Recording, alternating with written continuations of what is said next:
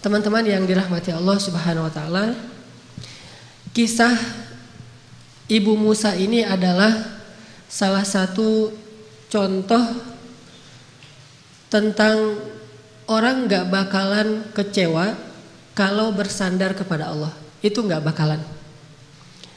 Bahkan kita bisa bilang mustahil. Mustahil seseorang itu kecewa gara-gara berpegang, bersandar, menyerahkan dirinya kepada Allah. Itu mustahil. Bukan seperti itu sunnatullah. Karena siapa pun yang berserah diri kepada Allah, maka dia telah berpegang kepada tali yang paling kokoh. Wa man yuslim wajhahu ila Allah. يسلم وجهه إلى الله وهو محسن فقد استمسك بالعروة الوثقى وإلى الله عاقبة الأمور Siapa yang menyerahkan dirinya kepada Allah dan dia senantiasa berbuat baik maka sesungguhnya dia telah berpegang kepada tali yang paling kokoh dan kepada Allah segala urusan dikembalikan. Jadi nggak ada orang yang kecewa kalau dia berpegang kepada Allah. Masalah apa pun, masalah rezeki, masalah jodoh, terutama yang kedua. Kalau kita bergantung kepada Allah dalam urusan jodoh, maka insya Allah kita nggak akan kecewa. Mak comblang yang paling baik itu adalah Allah. Kalau mak comblangnya ustadz, kadang-kadang ngecewain. Ustadz, ini CV saya. Oh ya, kriteria yang kamu cari seperti apa? Saya mah nggak nggak susah-susah ustadz, standar-standar aja. Ya standar yang gimana? Yang tingginya 180. yang kulitnya bening. Sampai kalau minum kelihatan airnya ngalir gitu. Transparan tat. Transparan. Kemudian yang hidungnya seperti pedang. Yang matanya seperti bidadari. Tahu mata bidadari? Belum. Besar dan sayu. Tapi enggak belok. Belok apa teh? Sudah pernah lihat Ada di rumah saya. oh iya. Nah, ini kriterianya. Terus kata Ustadz, ah kalau yang kayak gitu Ustadz juga mau gitu ya. Akhirnya pas ketemu Ustadznya duluan yang ta'arufan. Ini kalau mak comblangnya manusia. Tapi kalau mak comblangnya Allah jauh lebih meyakinkan dan gak bakalan kecewa.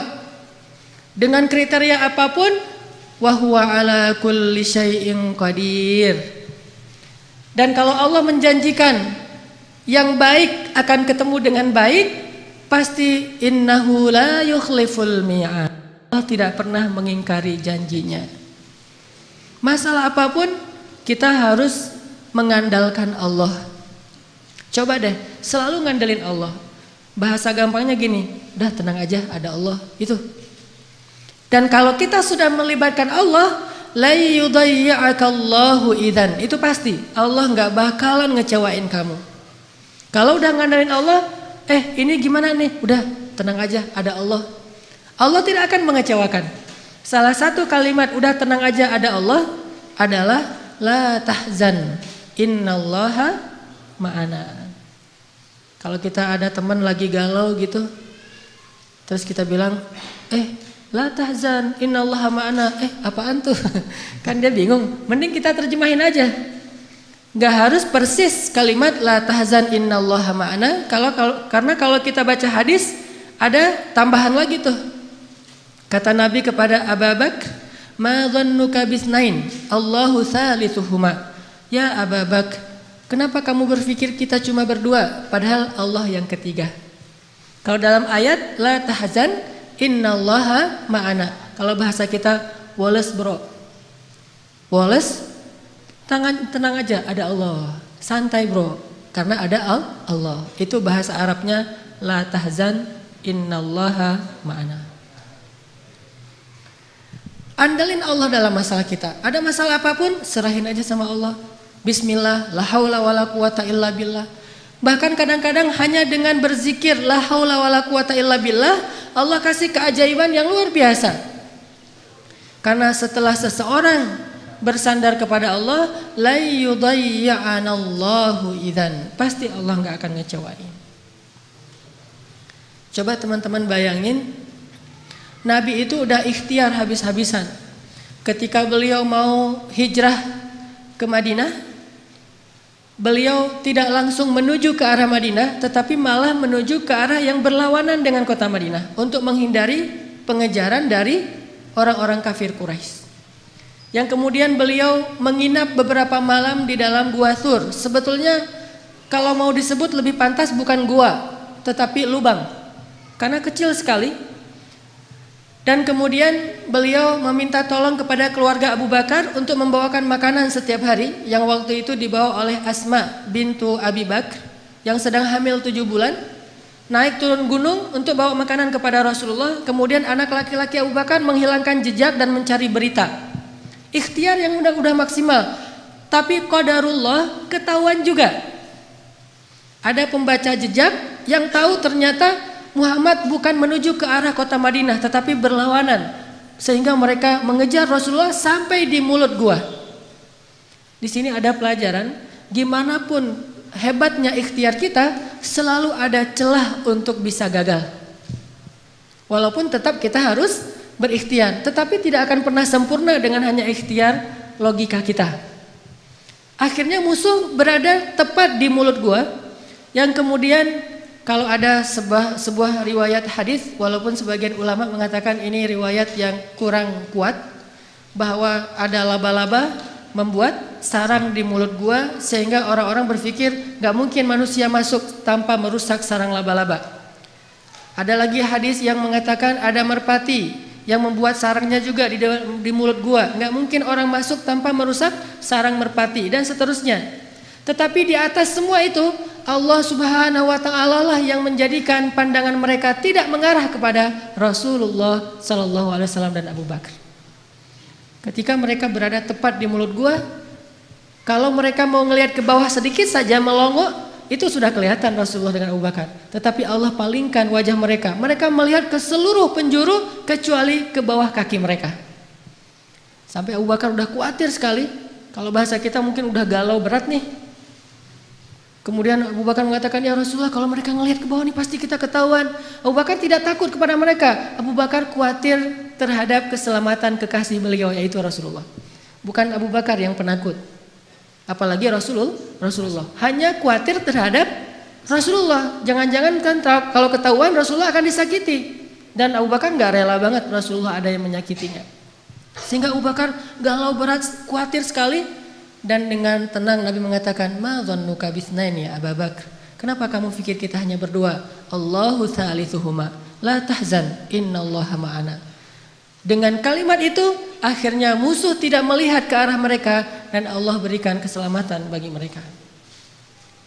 Ini kalau kita bersandar kepada Allah.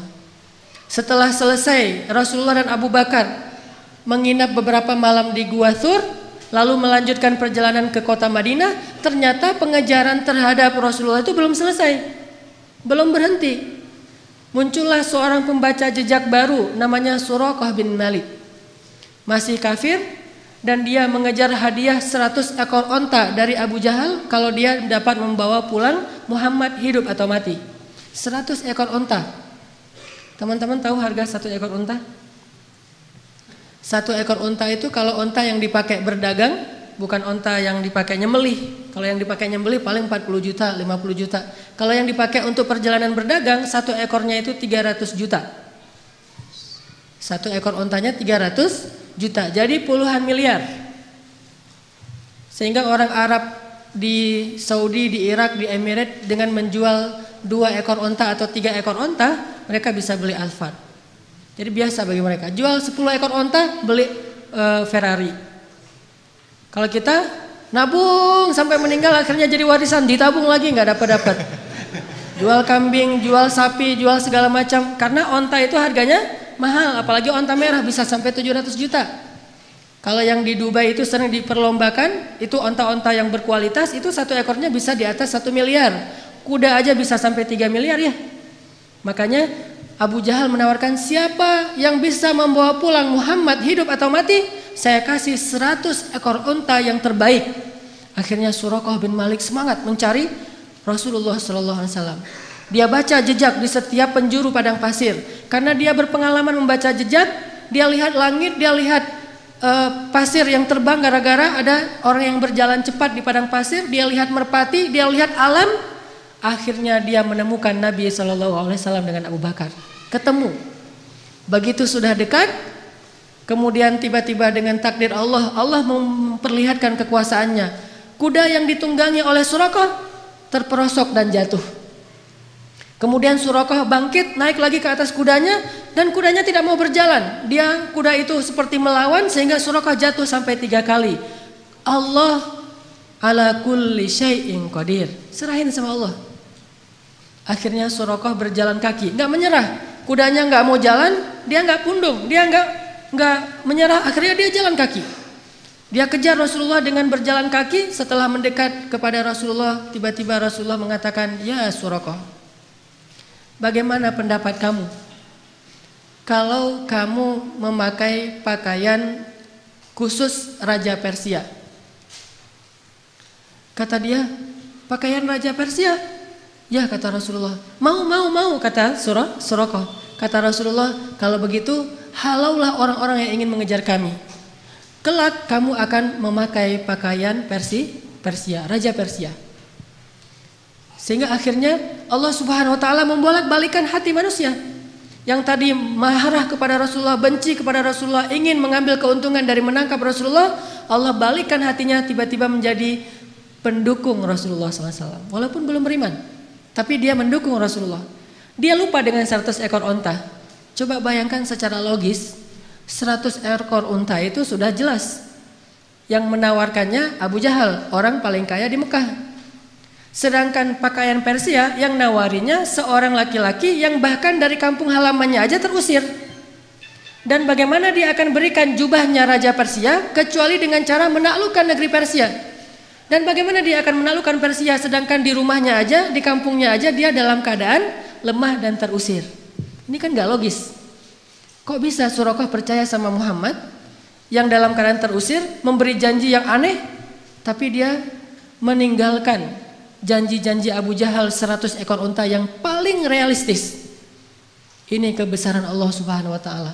Dan ini juga sebagai bukti Rasulullah itu benar-benar al-amin, as-sadiqul masduq, orang yang selalu dipercaya bahkan oleh musuhnya. Surakoh lebih percaya kepada Nabi walaupun Nabi terusir dengan janji yang aneh itu daripada kepada Abu Jahal yang realistis.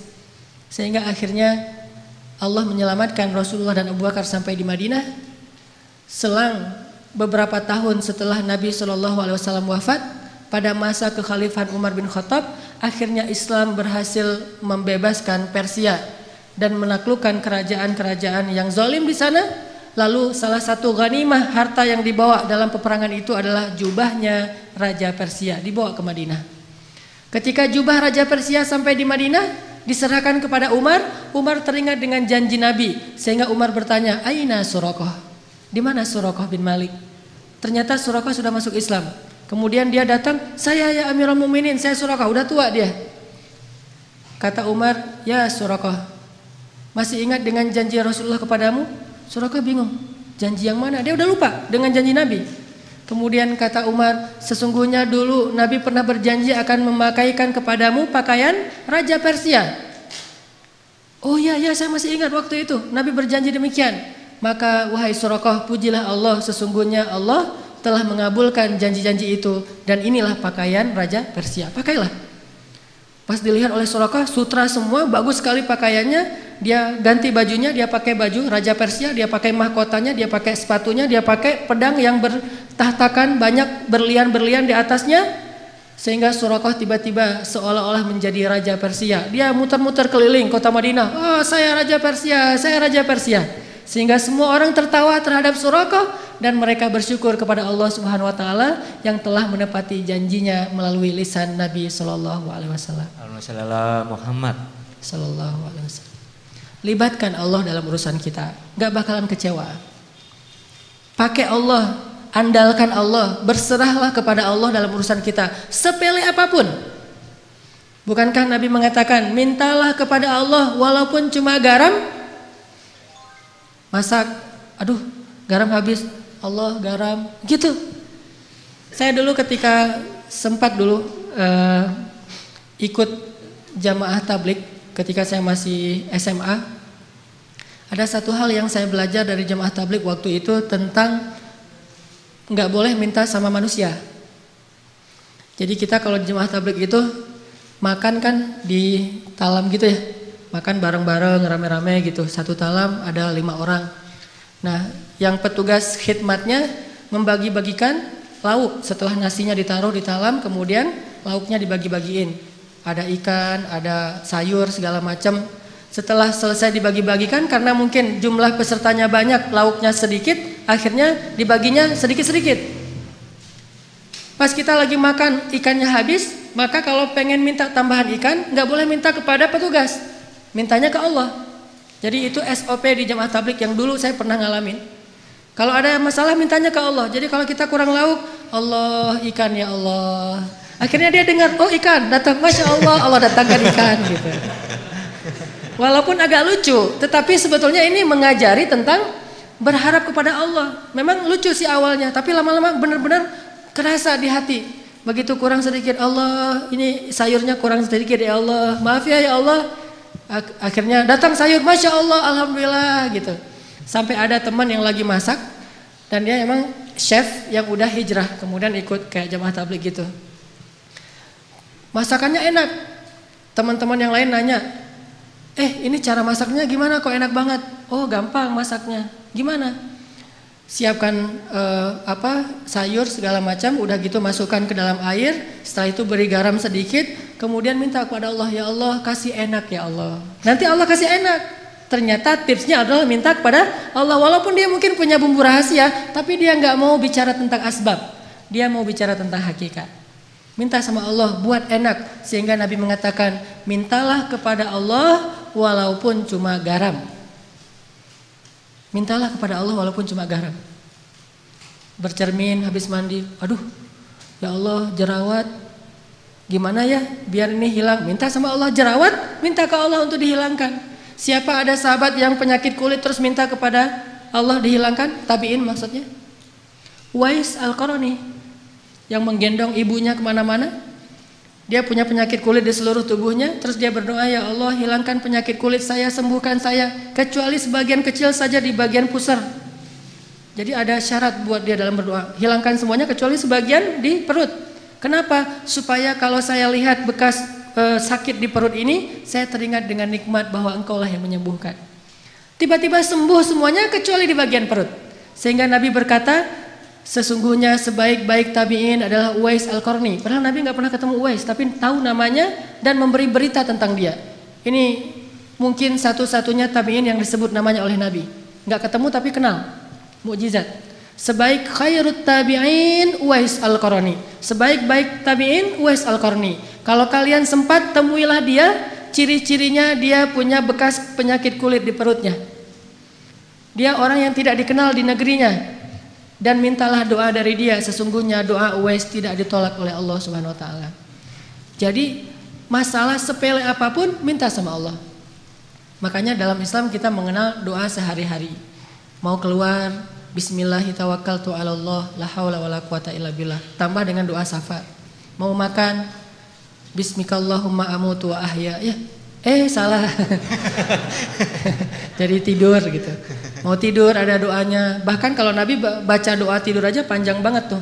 Allahumma alja'tu dhahri ilaik wa fawattu amri ilaik dan seterusnya dan seterusnya.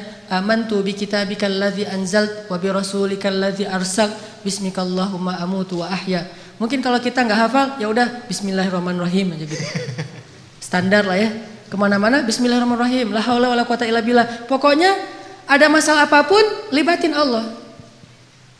Kalau bahasa sosial media, jangan lupa nge-tag Allah. Jangan lupa nge-mention Allah. gimana ngetek Allah sama nge-mention Allah? Teman-teman pernah nggak diundang makan sama atau diajak makan sama temennya, ditraktirin makan, udah gitu foto-foto karena ternyata tempat makannya itu cozy, instable, layak untuk di di selfiein gitu. Wah ini tempat makannya cozy banget nih, selfie yuk, selfie gitu ya. Udah selesai selfie, udah gitu kita posting. Selfie-nya sama siapa? Bareng dengan uh, teman yang nraktirin kita. Setelah selesai selfie kita posting, Etis nggak kalau kita posting, tapi kita nggak ngetek orang yang mentraktir kita? Nggak etis ya?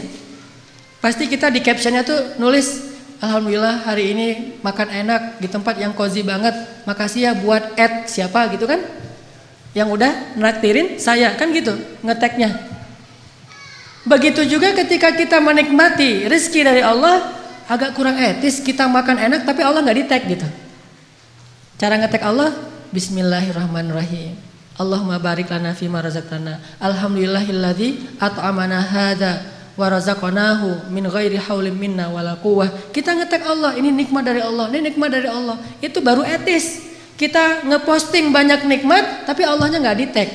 Ke manusia aja nggak enak, apalagi kepada Allah. Kalau nge-mention Allah, ada sesuatu yang indah, Masya Allah, Subhanallah, Allahu Akbar dan segala macam. Jadi setiap kali ngelihat sesuatu yang keren, kita mention. Kayak kita lagi ngelihat sesuatu yang viral di sosial media, akhirnya karena ini bagus banget videonya, inspiring, lucu, kece gitu, akhirnya kita mention ke teman kita, eh lihat yang ini, di mention, add fulan, gitu kan ya. Maka setiap kali kita ngelihat sesuatu dari ciptaan Allah yang kece, yang keren, yang luar biasa, harusnya kita mention Allah, masya Allah. Jadi kalimatnya tuh seolah-olah add, masya Allah, add subhanallah, add alhamdulillah, add add aja terus. Karena kita ingin menghargai Allah. Ini artinya melibatkan Allah. Siapa yang melibatkan Allah dalam urusannya, maka Allah akan tambahkan kebaikan dan keberkahan. Fadhkuruni alkurkum ana inda dhanni abdi bi.